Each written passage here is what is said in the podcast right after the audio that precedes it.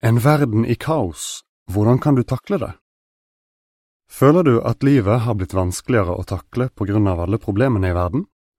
Opplever du noen av disse tingene? Epidemier, fattigdom, fordommer, naturkatastrofer, voldskriminalitet, væpnede konflikter? Når tragedien rammer, er det mange som reagerer med sjokk eller håpløshet, og noen blir helt handlingslammet. Men det å gå med slike følelser over lang tid vil bare gjøre situasjonen verre. Når du opplever store vanskeligheter, må du gjøre noe konkret for å beskytte og ta vare på dem du er glad i, helsen din, det du har å leve av, og gleden din. Hva kan du gjøre nå for å redusere den virkningen urolighetene i verden har på deg personlig? Artikkelen slutter her.